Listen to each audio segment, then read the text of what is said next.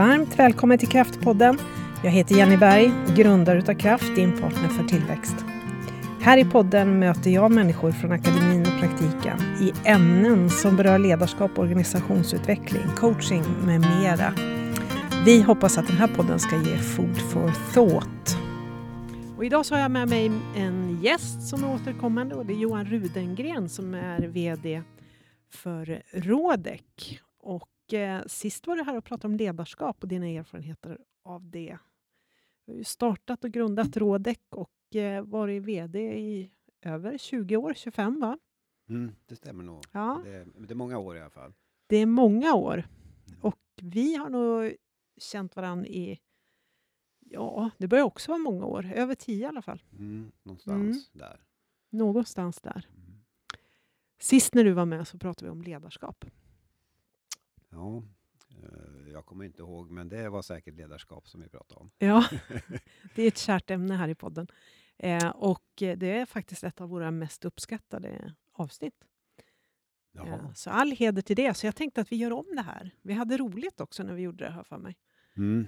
För mig är det viktigt att man skrattar. Eh, jag skriver ju ibland lite, grann, lite skönlitteratur och jag brukar ha som princip att eh, i varje kapitel ska man kunna skratta för att det ska vara ett lyckat kapitel. Ja, vi får se vad vi hittar på då. Mm. Idag ska vi prata rekrytering. Mm. Det är någonting som många chefer sliter med. Tycker det är jättesvårt. Ja, det är svårt därför att ofta är det ju så att man kanske har en annan yrkesbakgrund eh, än att vara chef. Utan chef blir man bara därför man eh, hamnar i en position. Eh, Mm. Även om man har en viss utbildning så, så är ju rekryteringen ingenting som man lär sig på en kurs utan det är någonting som bygger på erfarenhet. Mhm. Det är sant.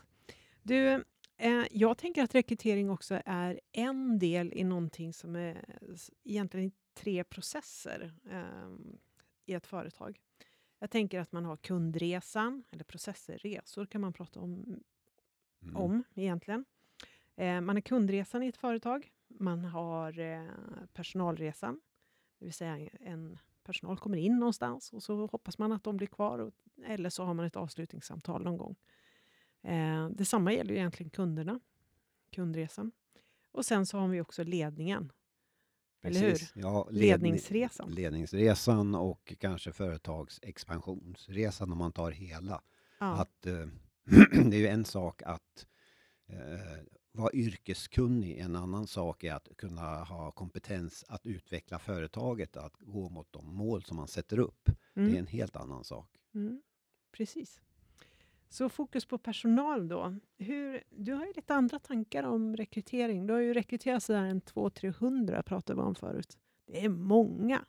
Ja, det där är ju en riktig killgissning. Men, men eh, idag är vi ju 100 anställda och, och eh, då borde det vara mer än 300. Det kanske är 400 personer. Och, och inte alla har ju gått jättebra de här rekryteringarna. Så det har ändå gjort att man har reflekterat mycket över när det, när det går fel. Alltså mistakes are great moments. Nu var det ett sånt där engelskt uttryck igen. Mm. Alltså misstag är fantastiska moment att Ja. lära sig. Vad gjorde jag fel? För dig som lyssnar så hade vi ett samtal här förut om engelska uttryck. Det är lätt att eh, det blir några sådana. Ja, Mm. eh, vi tycker tydligen att det svenska språket inte är tillräckligt utan ska glänsa med engelska uttryck. Ja. Eh, Det ska man undvika tycker jag. Mm. Eh, Men eh, du, för att föra oss tillbaka då till detta med rekrytering av personal. Hur, eh, jag har ju förstått att du tänker liksom i ett helhetsperspektiv när du pratar om rekrytering. Du tänker verkligen på hela resan och också på hela personalgruppen på ett sätt som jag inte tror att så många gör faktiskt. Ja, eh, jag träffar ju kollegor och, och, och även våra kunder. Eftersom vi jobbar med redovisning och revision så har jag en otrolig förmån att träffa många företagare och de beskriver det du också sätter ord på, att, att rekrytering är, är svårt. Mm. Så det är klart att man funderar mycket kring det. Och min slutsats är ju att när man är en, en, alla människor är, är sociala varelser som söker en gemenskap. Och det där börjar redan när man är i skolan. Mm. Där, eh, där söker man sig till den grupp som man känner en samhörighet med. Det kan vara en musik, ett musikband, det kan vara en idrott eller det kan vara en klädstil. Ni, du ser ju dem framför dig direkt när jag säger det här. Mm. För det är det självklart. Du, när du gick i grundskolan så tillhörde du en grupp. Och eh, tillhörde man inte en grupp så var man en nörd, nörddelen och det var inte helt kul heller. Det Nej. någon som inte fick vara med. Precis. Det är ju ganska hårt. Det är tufft. Jag tror att det är lika tufft idag. Ja. Eh, vi lämnar det. Mm. Men eh, däremot själva principen är att det där, det där förhållandet att man vill tillhöra en grupp, det är- avslutas ju inte när man går ut sin utbildning, utan det, det fortsätter ju. Och för att kunna tydliggöra vad, alltså för att locka människor till ditt företag så måste du ju tala om vilken grupp man kommer att få tillhöra. Mm. Och det där finns ju ett engelskt uttryck för det, som jag har svårt att sätta ett svenskt ord på. Men det han, handlar ju om att bygga varumärket för anställda. Eh, Ja. vi, vi kallar ju det employer branding. Mm. Och, och, och eh, jag gillar ordet därför att, att eh, jag hittar inget vettigt svenskt ord för det. Mm. Bygga varumärket för de anställda. Egentligen handlar det ju inte om något annat än att berätta att det här är vi och vår identitet. Eller vår liksom, kultur i det här bolaget. Ja, alltså det du säger det är ju ordens makt. Den är Mm. ganska begränsad. Mm. Du är ju vad du gör. Mm. Om du säger att ja, men jag kommer att lägga 10 kronor i Röda Korsets eh, kassa där borta, Mm. så är det ju en sak. Men när någon upptäcker att, att någon har lagt 100 kronor i kassan, Mm. eller när kyrkokamrern eh, bryter mot alla såna här GDPR-regler och säger du, jag såg att det var 1000 kronor i kollekten i söndags. Var det verkligen meningen när någon har swishat? Det är ju att sprida budskapet om att man, vilken värdering man har. Ja. Och spegelvänt kan man säga, att när, inte i kollekten utan man tvärtom, att man eh, har en negativ återspegling av Ja. sitt ledarskap i form av att man skäller ut någon på, på, på lösa grunder eller Mm. beter sig illa på en firmafest Mm. eller eh, beter sig illa ute i det lokala Mm. näringslivet på en restaurang. Allting kokar Väger ner. ihop. Det väger ihop, ja. Mm. Och det är Viktigt. klart att, att eh, all, det här sprider sig. Mm. För 30 år sedan så spred det sig från mun till mun. Men idag med sociala medier Mm. så, så sprider det sig med en otrolig fart. Ja. Det negativa. Och, men du har ju också verktygen för att sprida det positiva om du vill. Mm. Så jag försöker tänka så här att, att för att göra en fin rekrytering om ett år så behöver jag jobba med det här nu. Med att eh, försöka sprida information om hur vi är som arbetsgivare Mm. och, och vilka krav vi ställer och vilka förmåner som man erhåller så att man blir känd. Mm.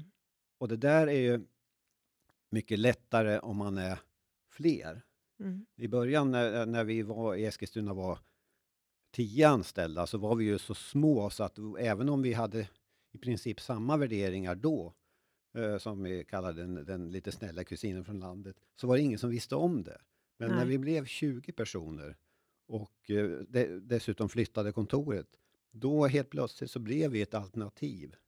Till eh, andra aktörer på marknaden. Mm. Och sen dess har det blivit enklare. Eh, du jämför ju lite här med skolvärlden. Alltså, vi, människor vill tillhöra en grupp. Eh, vi vill känna tillhörighet, vi vill känna oss bekräftade.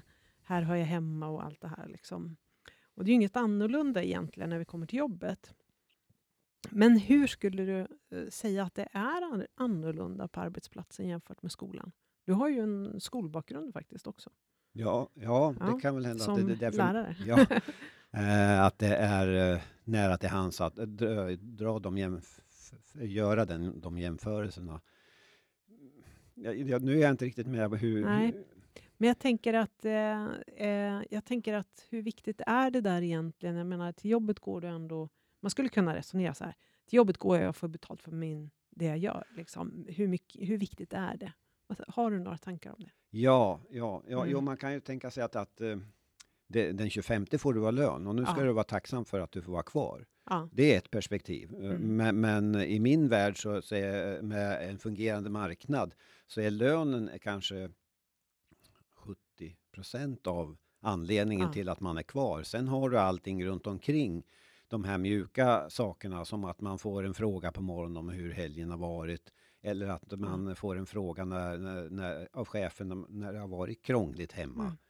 Att någonting har hänt, någon närstående är sjuk och, och, och när man är borta och, och, då vet chefen om varför man är borta och kanske får ett sms, Mm. en klapp på axeln.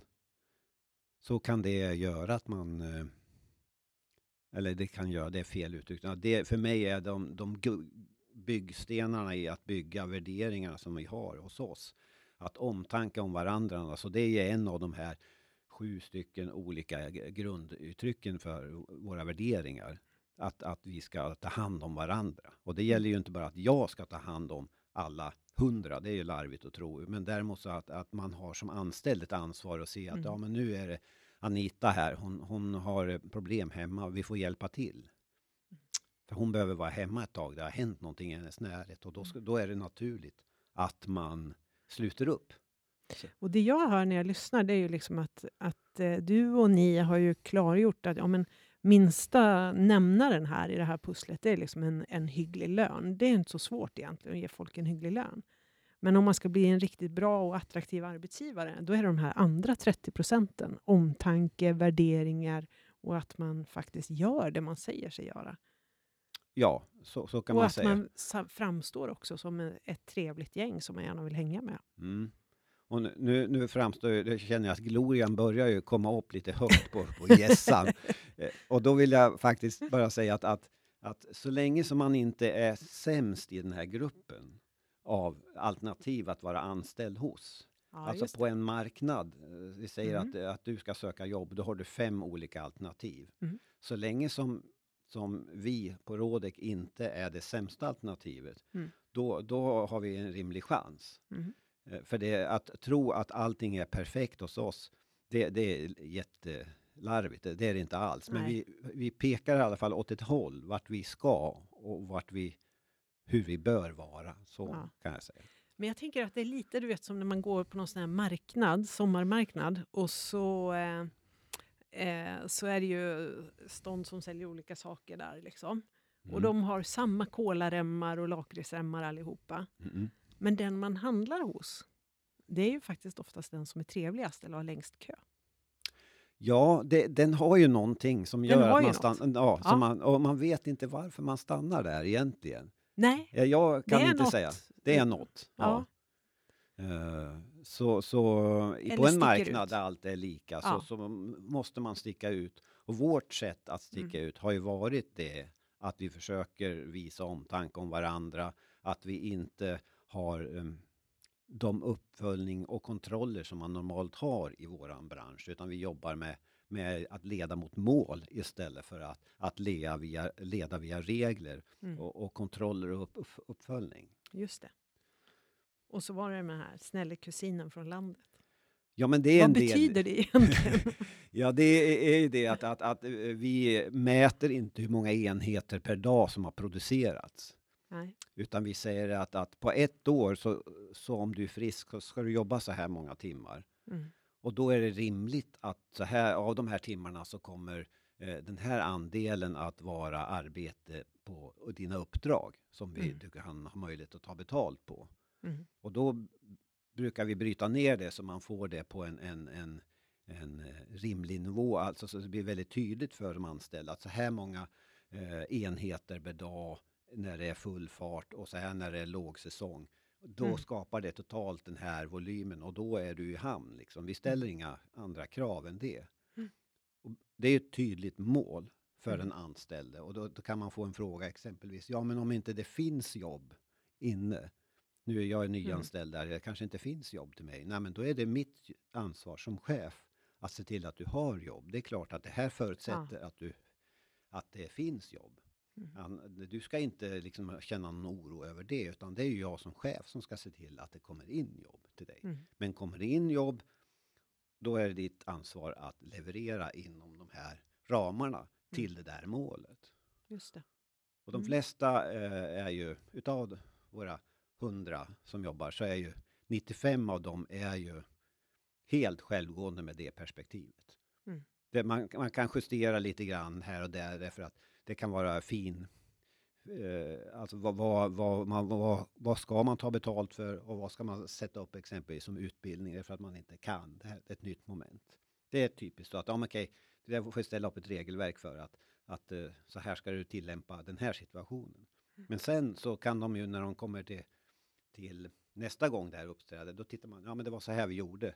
Och då bör man inte peta i den, Mm. i den situationen och mer. Jag uppfattar ju att ni satsar väldigt mycket på er personal när det gäller att utbilda, bland annat. Ja, men det är ju om man inte satsar på personalen. Det är ju precis som att åka till skogen och inte ha slipade knivar eller- eller eh, när man ska slakta upp ett djur. Det är ju Mm. liksom helt meningslöst. Det kanske var en dum liknelse, men ni förstår. Alltså det, det gäller ju verkligen att ha vassa knivar i sin låda för att kunna Ja. leverera. Det, och det är ju väldigt, man- jag blir ju väldigt stolt när någon säger att, att jag, eh, jag jobbade med, jag fick eh, hjälp av eh, din Anne och hon, hon, hon är ju verkligen briljant. Mm. Och jag- då, då, då sträcker man på sig, jag växer ju liksom med malligheten, eh, finns inga gränser för då. Istället för att säga att, att, att ja, du, jag hade eh, Gustav här och, och han kunde ju mindre än vad jag själv kunde så honom, honom skickar jag hem. Det är inte lika roligt. Nej, Nej, och nej det- och- de vill man inte vara med om. Nej, det, men det har jag ju varit med om. Och då får man ju liksom eh, fundera på varför rekryterade jag Gustav? Precis. Mm. Eller borde jag ha skickat honom på utbildning? Ja, det kan Mm. hända om det gick att banka in något, men ibland har man ju rekryterat fel. Då får man ju ta ett allvarligt samtal, men det är en annan podd. Ja, det är det. Det, är det. det kanske vi också ska ta någon gång. Men du, ärligt talat, jag tänker 25 år av ledarskap och 200-300 eh, rekryteringar. Nu var det en killgissning. Jag Mm. observerar att revisorn killgissar. Mm. Ehm, men hur, hur, vad, eh, du kan ju inte ha varit bra på det här jämt. Nej, det, det är Eller rättare sagt, jag vet ju att du inte... det, det, framförallt de som jo- jobbar hos oss, som har jobbat Ja. i många år, har ju, de säger att det är mindre dåligt nu än vad det har varit tidigare. Vad schysst, mindre dåligt. Ja, jo. Jo, de, eh, de, de, eh, de har inga problem med att kritisera sin chef och jag, jag tar emot det med tacksamhet och försöker göra Ja. det bättre. Ne- Nej, men vi lär oss. Alltså varje gång du Ja. gör fel måste du ju fundera Mm. eh, och bygga in i din databas. Vad var det som gick fel och vad kan jag göra bättre? Mm. Och det är ju Rekrytering är ju ändå en, mycket bygger på, för mig bygger det på känsla av att kommer den här personen att passa in i den här gruppen som ska jobba? På det här kontoret så är de åtta personer. Ja. Kommer den här personen att passa in här? Mm. Eh, för att det ska fungera i den gruppen. Mm. För om det inte gör det så kommer, även om den är väldigt kompetent, så kommer det att gnissla och, och, och knaka och till slut så kommer det att spricka och så kommer den här personen att gå Mm. vidare. Mm. Eh, och, så det är ändå viktigt, alltså personkemin mellan, eller inom gruppen. Och det andra är ju förstås yrkeskompetensen, att Mm. bedöma hur kompetent den här personen är. Mm. Eh, och då... eh, eh, nu då- stannar det upp lite, vad händer? Ja, eh, då kommer man att tänka på att, att i en anställningsintervju så är det ju inte alla människor som, som talar sanning. Utan Nej. man, man, eh, man kan ju kanske överdriva både sin yrkeskompetens och man kan överdriva sin eh, sociala kompetens också. Det, det, det kanske är naturligt. Ja, en del vill framställa sig själv lite bättre. Man har polerat på kulan lite grann. Ja. Ja. och det är ju olika för män och kvinnor. Det är Ja. klart att, att eh, Intressant. Nu är vi på intervjun. Eh, vad, vad har du för tips när det gäller intervjuer? ja, jag... eh, Du, ur Du har ju perspektivet... sagt eh, nu flera stycken faktiskt. Du har sagt att det är inte säkert att alla talar sanning, det måste man tänka på. Ja, Och så har du sagt att eh, manligt och kvinnligt är lite olika. ja. Eh, män tenderar att polera lite extra. Mm. Eh, och vad gör du då? Ja, jag, jag börjar ju liksom utifrån och går inåt. Att det, det vill säga att först måste jag ju se vad är det här för människa. Jag ska ju Ja. eventuellt träffa den här 8 till 5, fem dagar i veckan. Ja. Med andra ord, jag måste ju tycka att den här är anständigt trevlig att umgås med. Mm. Det, den, Så de, hu- hur kvalar man in hos Johan som anständigt trevlig att umgås med? jag tror att, att, att eller, jag jag är en äldre vit man. Ja. Så det är väldigt lätt att eh, kvala in hos mig om man tillhör samma norm. Mm. Att man då är en, en, en, en person som har de värderingar som jag har tagit med mig. Det, det, det bitvis lite grann lutheranska med att, att man ska göra rätt för sig. Mm. Man ska gno på. Mm. Eh, det ligger, ja, då, då har man kommit en ganska lång väg in i mitt hjärta. Eh, för då betyder det att då kommer man att leverera både mot sina arbetskamrater om det är något som krånglar och man kommer leverera till sina kunder. Så ansvarstagande. Mm. Så var det kanske ett bättre ord, ansvarstagande. Och sen tyvärr tror jag väl, eller tyvärr att, att uppförandet, alltså klädsel och, och kroppsspråk är sådana saker som, som man sneglar på. Därför att jag ska ju ta den här personen och så snurra den ett halvt varv och säga här är Oskar. Oskar är, är era nya handläggare och, och den personen, Oskar ska då fa- falla alla de här 30 kunderna i smaken. Precis. Så det är nog så enkelt som så att, att jag försöker ju väl vara Mm. som en rekryteringsfirma åt våra uppdrag. Just det. Det där är intressant för att eh, jag, det där kom inte fram förut när vi pratade, att du faktiskt tar perspektivet av dina kunder. Liksom. Men också, kan jag sälja den här personen till våra kunder? Ja. Det är faktiskt väldigt, eh, jag tycker det är bra. Mm, intressant. Mm. Det är det jag kan ge ett exempel att, att för när Och- jag Så, men så pratar du också om gruppen internt. Så du, egentligen så har du två fronter du har i huvudet när du sitter i intervju. Kommer den här att passa in i gruppen av Rådeks kontor, som jag uppfattar bland de andra anställda i vår kultur? Och sen har du perspektivet, är det här en person som frontar oss på ett bra sätt? Ja, det Ja. stämmer. Mm. Eh, och, och- vi, Mm. då, våra kunder är ofta små företagare. De kanske Ja. har eh, en till fem eller en till tio anställda. Mm. De har ju ingen HR-avdelning, de har ingen ekonomiavdelning och de har ingen jurist anställd. Utan de vänder sig till oss med alla de här tre frågeställningarna. Mm. Och det betyder att den här personen som jag rekryterar, den, den måste ju ha en social kompetens att kunna hantera en situation när det grävmaskinist Olsson ringer in och säger att, att nu har min mor gått bort eller nu har hustrun dragit med, alla, med handkassan.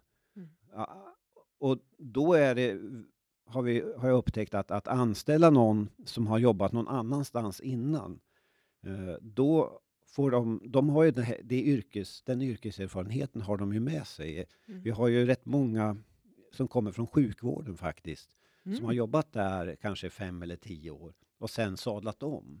Ah. Och de är ju fantastiska att hantera kunden i, i alla lägen socialt, om du förstår Mm. vad jag menar. Mm. Att kunna ha, visa empati när det har hänt någonting som man inte, eh, något plötsligt. Och Mm. oftast är det någonting, någonting tråkigt.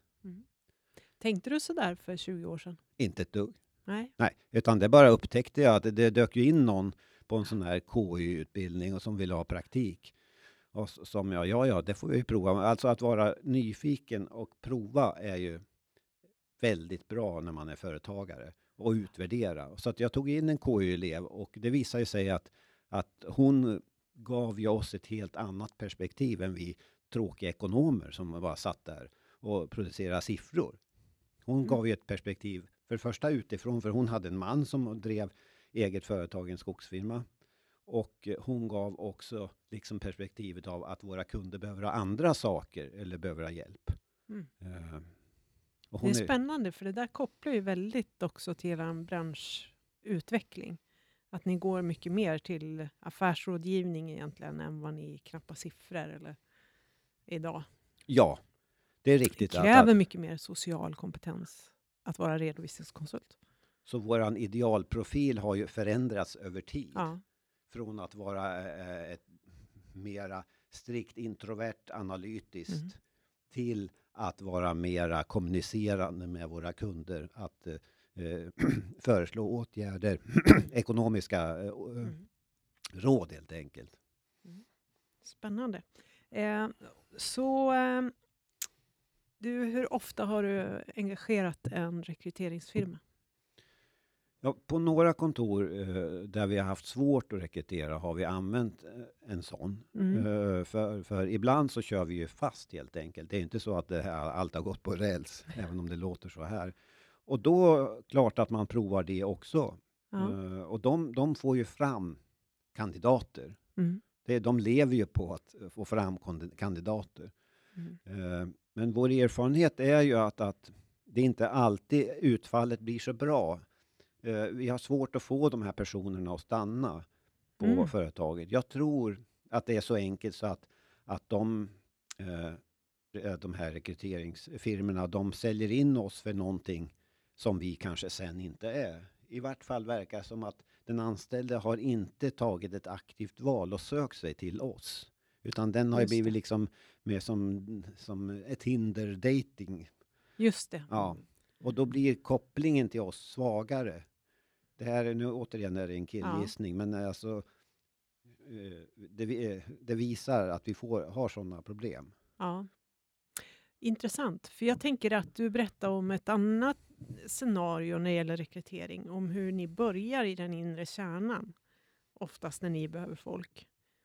Ja, när vi nu har byggt varumärket vi har pratat omkring, Ja, eh, employer branding, Mm. eh, så, så, och vi är framme vid att vi ska rekrytera, så Mm. börjar man med att sätta upp en kravspec på eh, vad det är man önskar sig. Mm. Eh, och då brukar vi säga, okej, det här är en person, så här borde den vara, men vi kanske inte kan hitta en som är exakt så, utan vi ska även leta efter en person som kan bli det här med, med rimliga insatser. Mm. Och med det gjort så, så brukar, man, brukar vi sätta oss vid morgonfikat och, och berätta om att nu har vi fått lite nya uppdrag och eh, vi funderar på att rekrytera och, eh, det, och så förklarar man vilken typ av tjänst det är. Känner ni någon eh, som, som skulle kunna vara intresserad så kan ni väl höra av er. Mm. Alla tittar ju ner i sitt morgonkaffe eller tittar ut genom fönstret eller petar en snorbobba i näsan. Det, det är aldrig någon som räcker upp handen och säger, men jag vet fem stycken. Nej, Intressant. Det är tyst. det är tyst. Ja. Men sen när du går upp tillbaka till ditt kontor så kan ju någon komma med en, en lapp där det står ett namn och telefonnummer och så, så säger de, ja, ja, du kan ringa den här. Ja. Ja, ja men vad- vem är det då? Ja, ring, ring henne. Eh, hon är bra. Och då, då har den här personen har ju gjort hela rekryteringsprocessen åt dig. ja. Alltså så när det Det är passa, ganska mycket som är klart. ja, passa in i gruppen Ja. och yrkesmässigt oftast också. Mm. Så det är ju, om vi jämför eh, de som kommer via en rekryteringsfirma eller de som kommer genom ett tips från personalen så är det ju 100% träff på den senare gruppen Mm. och kanske 30% träff på den andra. Mm. Eh, Du, jag tänker, det är mycket lärande i det här. Jag Mm. förstår ju att ni jobbar med den grupp som är på ett fantastiskt sätt genom employer branding, alltså att liksom varumärkesstärka gruppen, tillhörigheten och så blir ni en attraktiv arbetsgivare. Och nu är ni så stora också så att ni märks i de städer där ni finns liksom, som ett alternativ. Ja, och då Ja. är det lättare. Och det är det mycket lättare än om man är fem. Liksom. Ja. Eh, men med all denna erfarenhet så undrar jag, det måste ju finnas någon gång när du verkligen har gjort någon blunder inom rekrytering. Man kan, får ju inte ge ut personer eller något annat sånt, men kommer du att tänka på någonting? Du, den här frågan var inte med innan vi förberedde, utan den här, den här kom nu tydligen. Den kom nu. Ja, eh, man, det, det jag kanske tänker på är väl när vi har varit i akut brist av någon, när Ja, man är pressad. ja, Då sänker man ju garden ja. och provar, okej, ja men det här skulle jag aldrig ta som ett alternativ. Mm. Eh, och det har hänt att, det, det har faktiskt hänt någon gång att det här har blivit jättebra. Men var det. Ja. och det har också hänt eh, oftast att det, det här går inte alls. Nej. Det här går inte alls. Och det framförallt så där det går fel, är inte på yrkessidan utan det kan ju vara att eh, man inte passar in i gruppen. Just det. Ja. Mm. Det, och då undrar man eh, vad det beror på och, flera gånger så har det varit kopplat till att man inte har mått bra helt enkelt. Man Mm. kanske har ätit någon medicin när man har varit på anställningsintervjun och varit, eh, man har inte sett någonting och sen så, så denna medicinen kan man inte äta och sen när man kommer så, så är det nästan en annan person som man har Mm. eh, som har satt sig vid skrivbordet. Det är ju... Eh, det kan vara en sak. Sen har vi ju... Eh, Nu blir man ju nyfiken. Brukar ni ha provanställning? vi har det som ett alternativ. Mm. Men, men eh, vi jobbar ju på en marknad. Om det kommer någon som vi tror den här kommer inte vara något problem. Vi gjorde två rekryteringar förra veckan. Mm.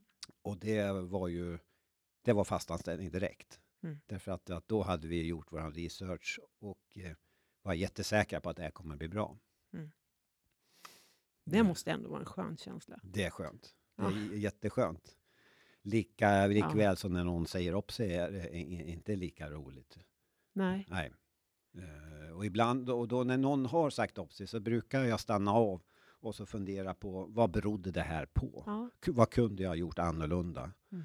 Och sen får man utvärdera det och säga okej, det här, antingen är det så att nej, jag kunde inte göra något annorlunda, utan det här var den här personen hade jobbat så här många år hos oss. Det var dags för hen att gå vidare. ja. Så då är det bara, ja men vad kul att hen, Gjorde det? ja, eller var kvar hos oss så här många år Mm. eh, och, bidragit till, till våran glädje eh, gemenskap och till våran lönsamhet förstås. Mm. Eh, Slavhandeln är ju avskaffad faktiskt, så att även om jag kan tycka att det vore trevligt om det fanns kvar, kunde gå till torget och hämta upp några nya slavar, men, men eh, det funkar ju inte. Nej, det gör ju inte det. Det handlar ju om samförstånd och tillit och massa saker. Som jag uppfattar att ni är duktiga på att bygga också. Men jag ska inte stå här och rosa er kanske för mycket i en podd. Men ni gör Nej. ett bra jobb tycker jag. Men jag har en fråga och som jag tror att många funderar på. För ni har fem kontor och du pratar mycket om gruppen. Och gruppens identitet och hur ni jobbar med värderingar. Och på varje kontor så finns det ju någonstans mellan eh, gissningsvis 14 till 35 pers. Va? Mhm. Eh, och eh, då funderar jag på hur mycket är det okej för varje kontor att ha en egen identitet? Och vad tänker ni om det? Liksom? Det är det lilla kontoret på den egna orten jämfört med helheten i Rådek. Har du några tankar om det? Vi, har, vi har nog eh, en väldigt liberal inställning där. Ja. Ja, att så länge som det ryms inom våra värderingar, eh, det, Mm. ja, man kan väl tänka sig att, att om de anställda i Flen skulle vilja vara medlemmar i Hells Angels så skulle det krocka med våra värderingar. ja, det finns en bortre gräns där. Ja, Mm. men om de tycker att man ska vara medlem i, i, paddel, i paddelföreningen exempelvis, men det är man inte i, i, på en annan ort, Mm. så spelar det ingen roll. Eller vi- vill man eh, ha en profil när det gäller marknadsföring som de tror är bra i den här lilla orten, så då får de ju göra så som de vill. Så de är autonoma i, i firman, men ska följa givetvis våra yrkesmässiga regler. Men man eh, kan anpassa sig efter den lokala Mm. Marknaden och, och på både eh, personal och, och eh, kunder. Ja. Jag tror att det där är en framgångsfaktor. Ja, Vad tänker du om det? Jo, eh, nu är väl, vi finns bara i Sörmland. Det är ganska Ja. homogent. Det är ju det. Men om man jämför med exempelvis våra kollegor som har en styrning av sin marknadsföring i eh, de stora kedjorna som har marknadsföringen från London och de har sitt kontor i Katrineholm. Så det är klart det är svårare för Mm. en, en marknadsperson i London att anpassa marknadsföringen i Katrineholm än vad det är för oss ifrån Eskilstuna eller för den, delen i Katrineholm. Mm. Ja, Men det är ju någonting med tonalitet i språk och så vidare. Eh, tänker jag. Ja, det, eh, det är rätt mycket. Det är ju en jättestor skillnad mellan eh, att Mm. driva rörelse i, i, på en stor ort. Det är ju så till och med att vi, om man går från Eskilstuna som är en arbetarstad till Västerås som är mer en tjänstemannastad så är det olika sätt att kommunicera för mig. Mm. Absolut. Ja, du, jag undrar om vi har kommit till vägs ände av rekrytering. Är det något mer du skulle vilja lägga till? Någon som ska börja och rekrytera för första gången. Vad skulle du ge för råd? Ja, det vi inte har tagit upp, det man kanske ska eh, reflektera över är ju att, att eh, manligt och kvinnligt är fortfarande någonting som påverkar hur en grupp fungerar. Mm. Och eh, att har man möjlighet att få ha blandade grupper med både män och kvinnor så blir det mera kreativa tankar. Det blir eh, en bättre process emellan yrkesmässigt, att man kan lära av varandra Mm. på ett annat sätt och det blir inte så stereotypt resonemang även fikabordet. Eh, absolut blandade grupper, även blandade så att man har personer som är, är födda utanför Sverige eh, Mm. som kan komma med att bidra eh, med eh, sina, eh, sina, sin bakgrund. Men där man bör tänka sig för att, att det här med jämställdhet är någonting som inte är självklart för alla människor. Mm. eh, Utan det måste man bevaka. Mm. Vi, vi, vi säger ju att vi är ett jämställt land, men, men eh, Det, Det- finns att göra. det finns att göra, säger jag då som äldre vit man. Ja. ja, och eh, ni har ju väldigt många kvinnor anställda. Det är ju ändå redovisningskonsult till exempel är väl ändå ett ganska kvinnodominerat yrke. Ja, det stämmer. Mm. Det, det är det. Men, men vi Men blandade. blandade är ju en framgångsfaktor. Mm. Absolut, Mm. tycker jag. Mm. Framför att man lär sig av varandra. Mm. Du, vi närmar oss jul. Vad är det bästa på julbordet? Nu kommer det här nog sändas senare efter jul, men ändå. Ja, då, för mig är det enkelt. Det- Sillsalladen är, tycker jag jättemycket om. Ja. Sillsallad, skinka. Här har jag en viktig fråga, för sillsallad är ju inte vad som helst. Liksom. En del menar ju att det typ är någon sån här kladdig sak. Sillsallad ska vara fräsch. Vad Ja, tänker du? Ja, det är ju äpple och sill och rödbetor. precis. Ja, Och det är ingen, sån där rödbetssallad som man Nej. köper på Ica. Exakt. Ry, Rydbergs sörja. Nej, utan Nej. det här gör man ju själv. Ja, Och den är ju fräsch kanske i, fyra, fem dagar. ja. Sen eh, är det Sen ju är det kört. Ja. Mm. Mm. Mm. ja, men då är vi överens. ja, det var ju skönt. Eh, vi gör den alltid på kvällen innan julafton. Ja, Det är tradition. ja. Mm. Äter ni julskinka på jul, dagen före julafton också med senap på macka? Ja, det är det sista. Det är det sista, eller hur? Ja. Ja. Smaka skinkan också. Mm. Mm. Tända julgranen. Tända julgranen Mm. och så ska det vara tunnbröd. Jaha. Ja, Norrlänning som är Ja, såklart. ja, Mm. ja. ja, men jag Ja. kör något vörtbröd. Du, tack så jättemycket Johan för att du var med. Tack, det var jättekul att få prata om, om de här frågorna. Ja, vi lär säkert ses här igen. Tack så mycket. Mm. Bra, bra. Ha det bra. Hej.